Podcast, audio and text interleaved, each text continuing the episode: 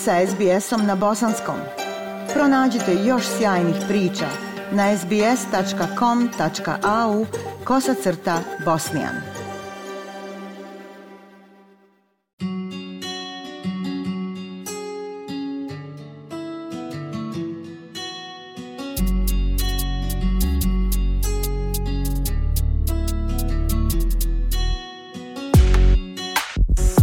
slušate SBS program na Bosanskom.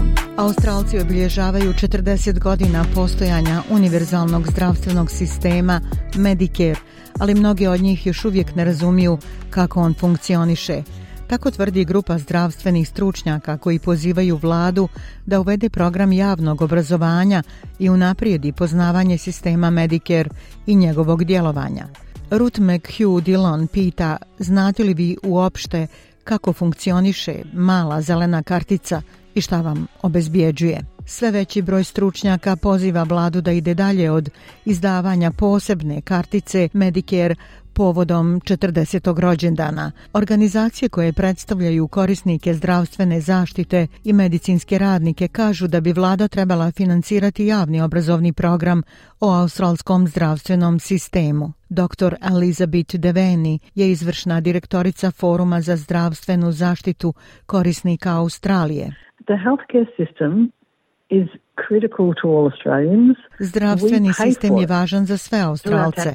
Mi ga plaćamo, bilo kroz poreze na prihod ili doprinose za Medicare, bilo kroz naše privatno zdravstveno osiguranje, kroz kupovinu lijekova, plaćanjem benzina da bismo otišli do ljekara. U pitanju je naše zdravlje i imamo pravo da znamo šta dobijamo za sve te dolare poreza koji plaćamo i kako da najbolje iskoristimo to što dobijamo. Kada je Medicare prvi put uveden prije 40 godina, dr. Deveni kaže da je postojala javna rasprava o tome kako je funkcionisao novi univerzalni zdravstveni sistem.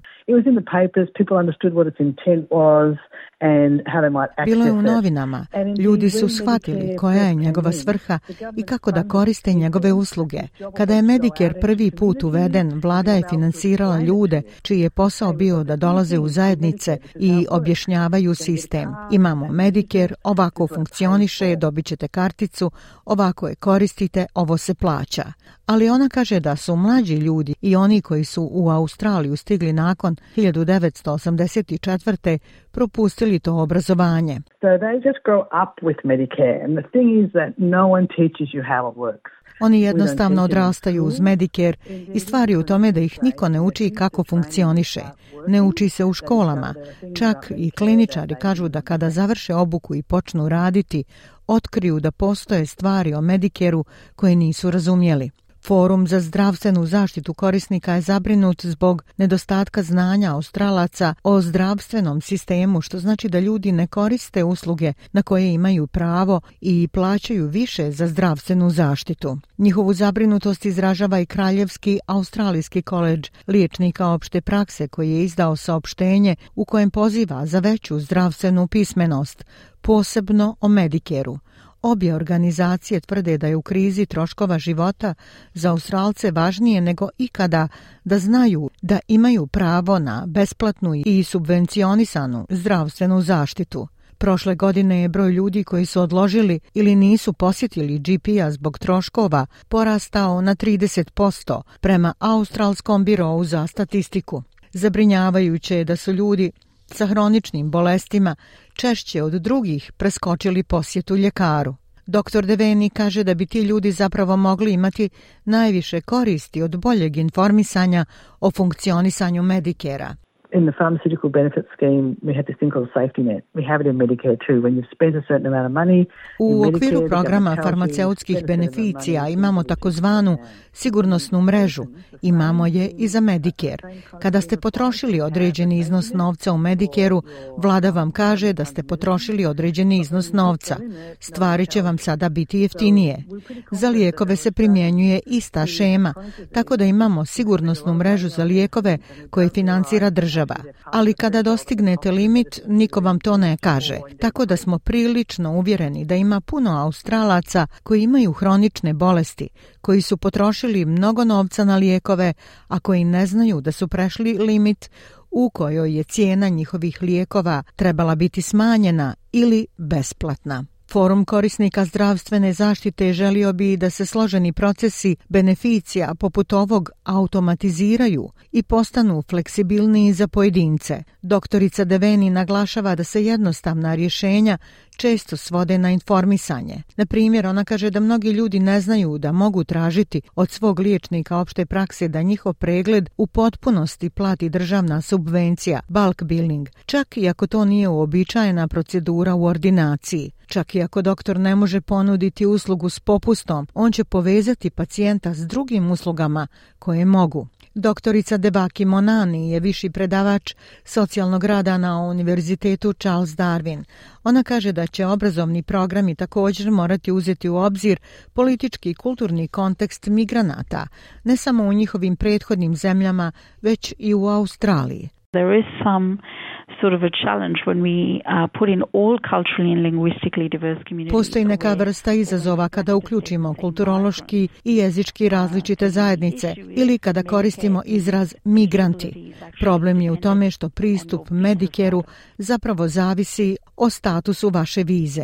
Doktorica Monani kaže da jezik također može biti veliki problem u zdravstvenim ustanovama i u prenošenju poruka javnog zdravstva.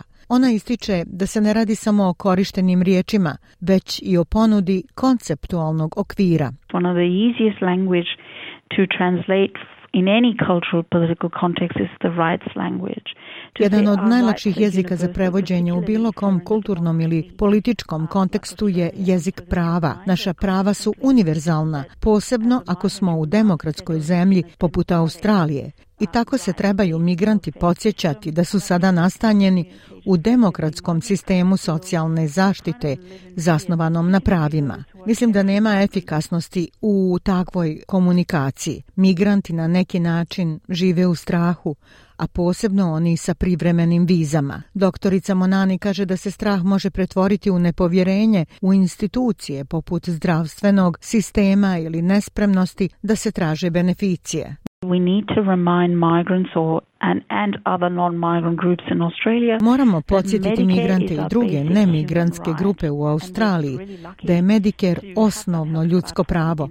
Sretni smo što imamo taj zdravstveni program u Australiji i pristup zdravstvenim uslugama.